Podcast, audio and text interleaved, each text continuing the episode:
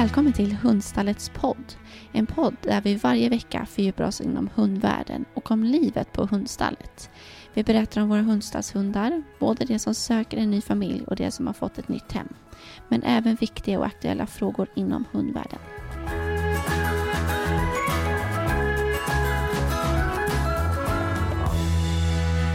Varmt välkommen till del två av hantering av hund tillsammans med mig Erika, Carolina Lasses och Jenny Mark.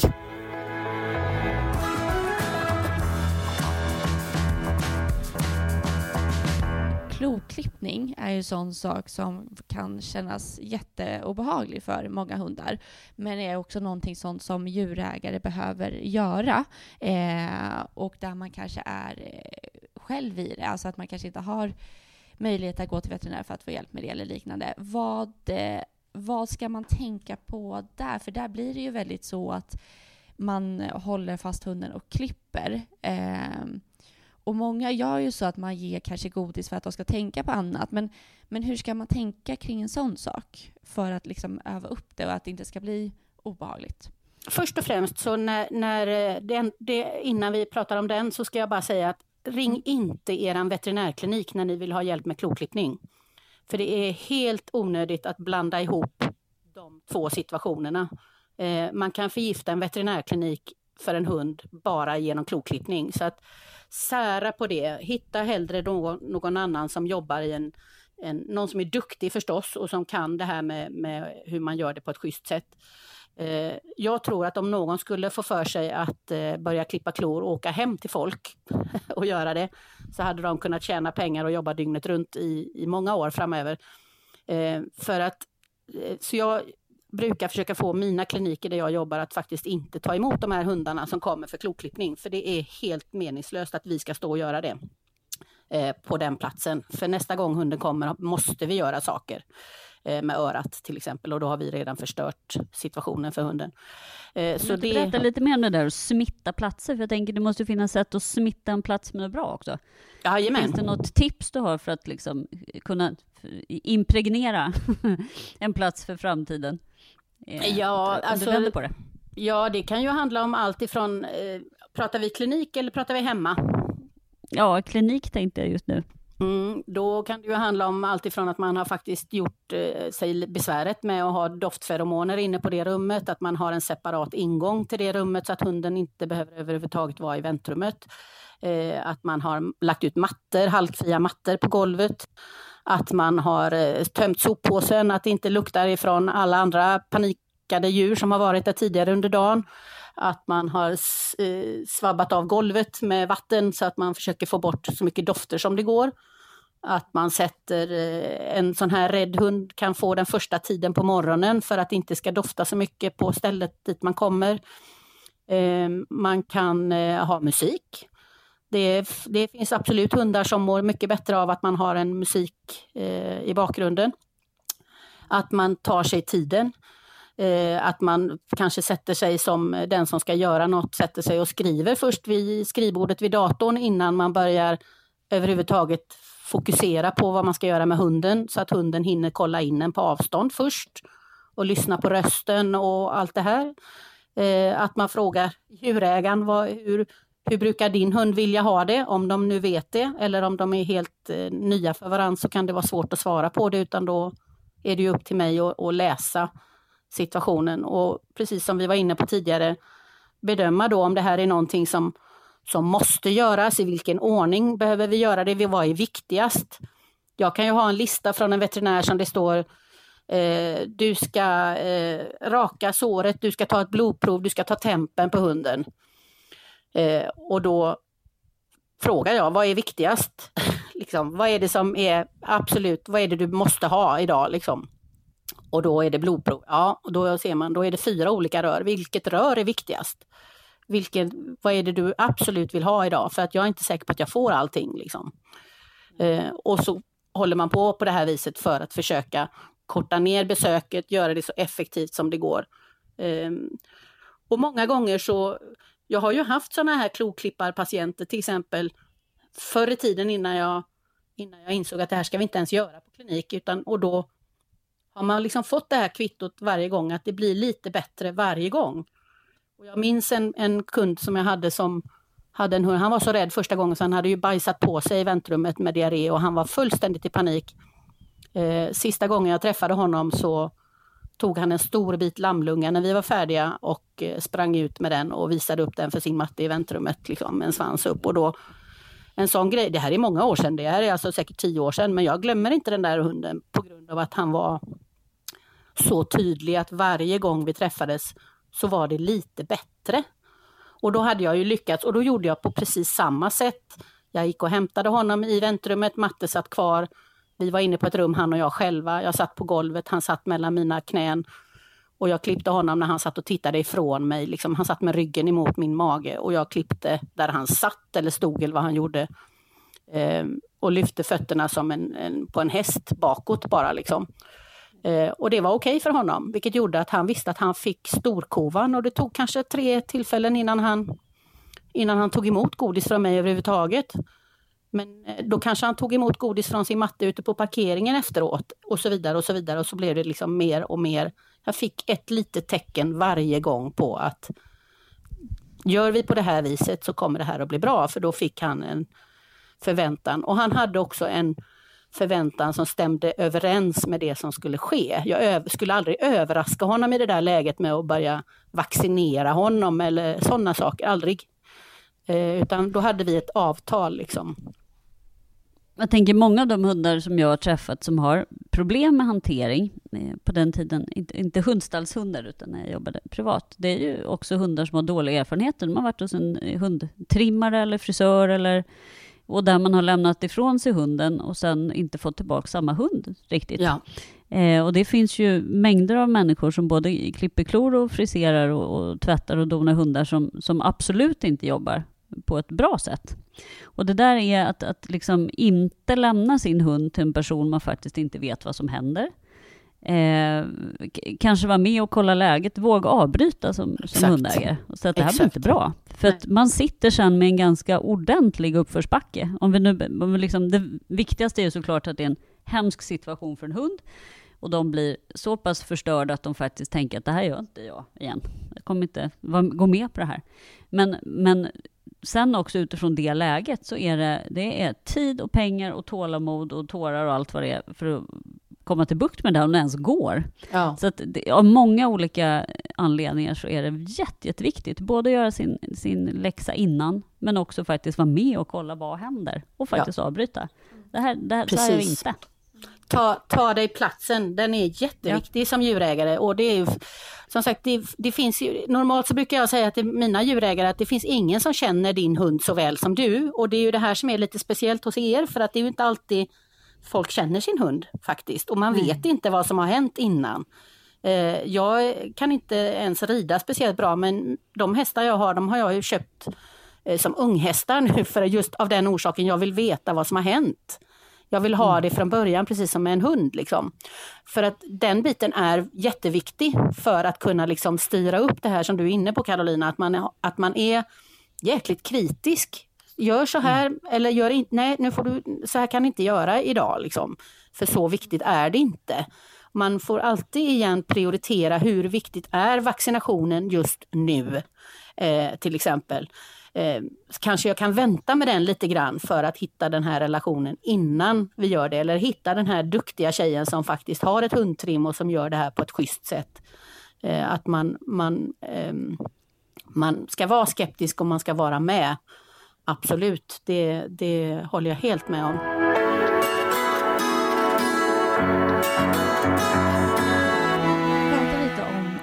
hunden själv ska få välja och att man kanske inte då ska... Alltså ger man jättemycket godis så kanske man inte ger hunden möjlighet till att faktiskt välja att så här, gå därifrån och faktiskt visa vad man känner.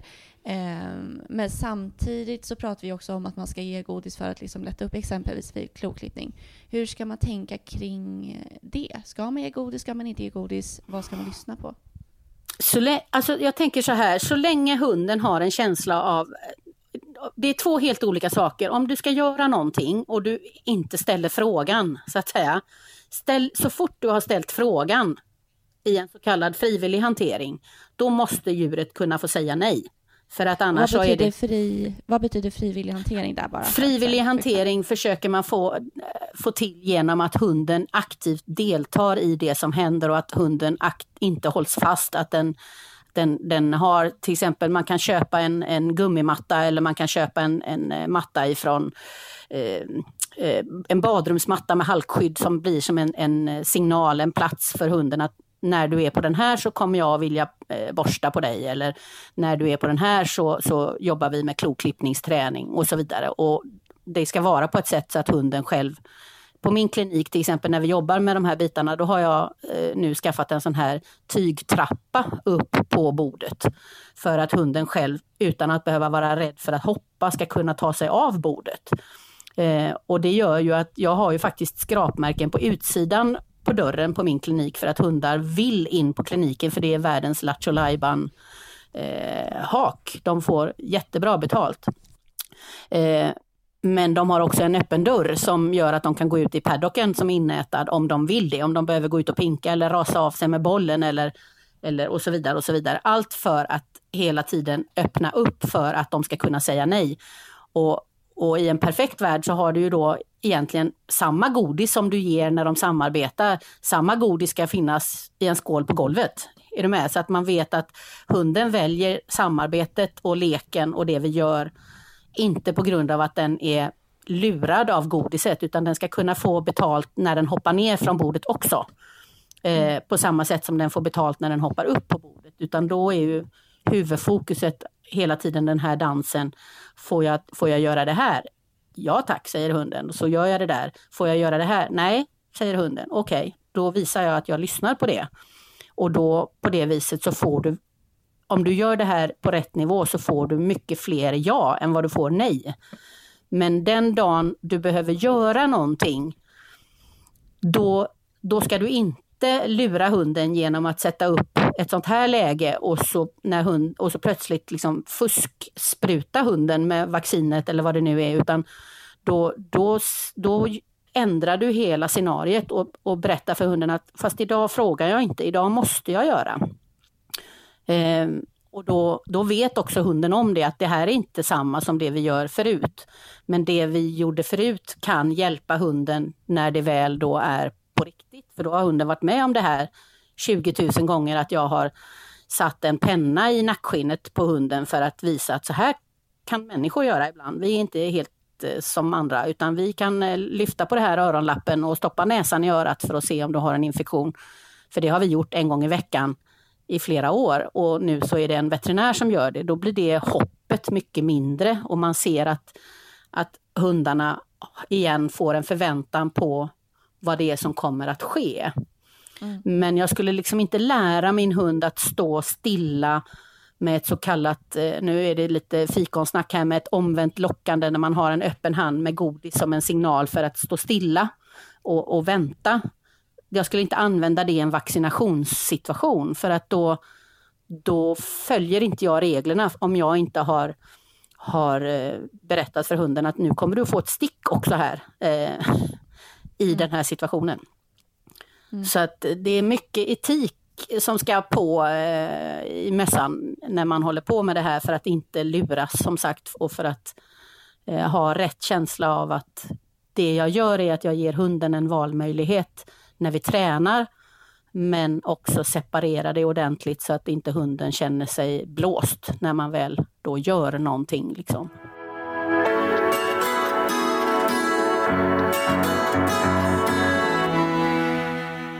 Är det något mer vi tänker att vi vill säga innan vi avslutar för dagen? Nej, jag, jag tänker att allt det här som vi pratar om är, eh, ju mer vi kan grunda våra hundar med att våga berätta vad de tycker och tänker genom att vi faktiskt i vardagen ger dem så mycket spelrum att eh, göra det, ju ärligare relation får vi. Fråga, börja med att fråga var vill din hund bli kliad någonstans? Genom att just klia tre sekunder, sluta. Det kan vara en väldigt bra start för att sen översätta det här in i de här andra situationerna. Eh, och sen att vara tydlig eh, när man måste göra någonting och, och det finns mycket man kan göra för att minska den här stresstrappan inför ett veterinärbesök. Och då är väl mitt varma tips att ta er platsen, ring innan, innan besöket så att vi kan förbereda så mycket vi kan eh, på vårt håll och guida er hur ni ska tänka. Eh, och träna på det som man kan träna på hemma. Korta pass, roliga pass, pass där hunden själv styr och ställer lite grann så att den förstår. Eh, då har man kommit väldigt, väldigt långt. Och sen då, eh, precis som du var inne på Carolina, det finns ju faktiskt möjligheter att ge lugnande hemma inför ett besök. Det finns eh, som, som kan hjälpa så att de inte kommer upp i det här jättepaniken om man vet att det kommer att ske. Eh, och det finns eh, eh, möjligheter då om inte hunden är, är sjuk, sjuk och att man inte av, av den orsaken inte vågar sedera så kan man ju faktiskt då eh, sedera patienten mm. tills man har kommit längre i sin relation och sin, sin förberedelse hemma. Eh, för det är många som mår bra av det. Och sen också att eh, och tänka att valfrihet är betydligt mer komplext än att du får ja. välja mellan A och B. Ja. Eh, tänk trygg och respektfull hantering snarare än att, ja. att det alltid ska vara valfritt, för så är det inte. Det är en realitet. Eh, det tycker jag är super, super viktigt. Eh, och så hela tiden komma ihåg att man kan faktiskt ha ont och vifta på svansen ändå. Eh, det är jätteviktigt. Det finns ju ganska, och jag kan tänka mig att många av eh, när man träffar på omplaceringshundar, alltså det kan ju vara allting ifrån hunden som har gått på gatan i Spanien till hunden som har bott i en missbrukarfamilj till att hunden som som bara är en vanlig tonåring och familjen insåg att det här var för mycket för oss. Ni får ju alla möjliga eh, kunder till er så att säga. Va? Och det kan vara allt ifrån att det är hunden som, som är extra mycket till att den bara har hamnat på fel plats till att den och så vidare och så vidare. Eh, och vissa hundar kan jag tänka också då tyr sig väldigt starkt till sina människor när de väl har kommit till sitt nya hem och att det är också någonting som man behöver ta hänsyn till.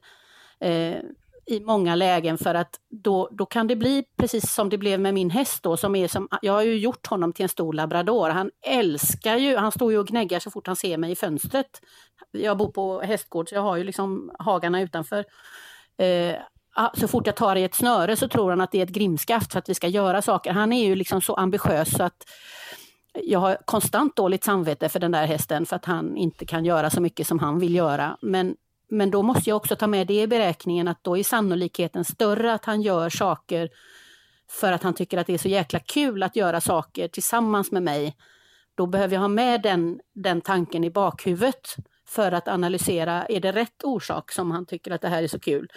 Och på samma sätt en annan hund som kanske då inte visar så mycket, då behöver man förstå det också, att den hunden som inte går att lura på, eh, upp på ett bord, utan den visar redan långt, långt innan hur ska jag få den att säga ja. Liksom. För att det, det, de är precis som oss, det är personligheter och deras erfarenheter i har du gått som gatuhund i Spanien så har du ju lärt dig att allt du gör påverkar din miljö och du har aldrig behövt att fråga någon. För att då gör du saker själv. Sen hamnar du på ett hundstall där du inte får göra någonting själv på grund av att omständigheterna är som de är i det läget. Det måste ju vara en jätte jätteomställning för en sån hund som har klarat sig själv utan människor på det viset i alla fall. Eh, och sen då få en egen människa, då kan man ju bara tänka sig vilken, eh, vilka olika eh, relationer som man får med den här hunden. Liksom. Och det, allt det här behöver tas med in i bilden på hur man både tränar och hur man förbereder och hur man eh, bygger upp situationerna så att man är trygg med att hunden säger ja av rätt orsak. Liksom. Mm, verkligen. Stort tack Jenny och Carolina för att ni var med och berättade idag om just hantering. Tack, det var jättekul att vara med. tack.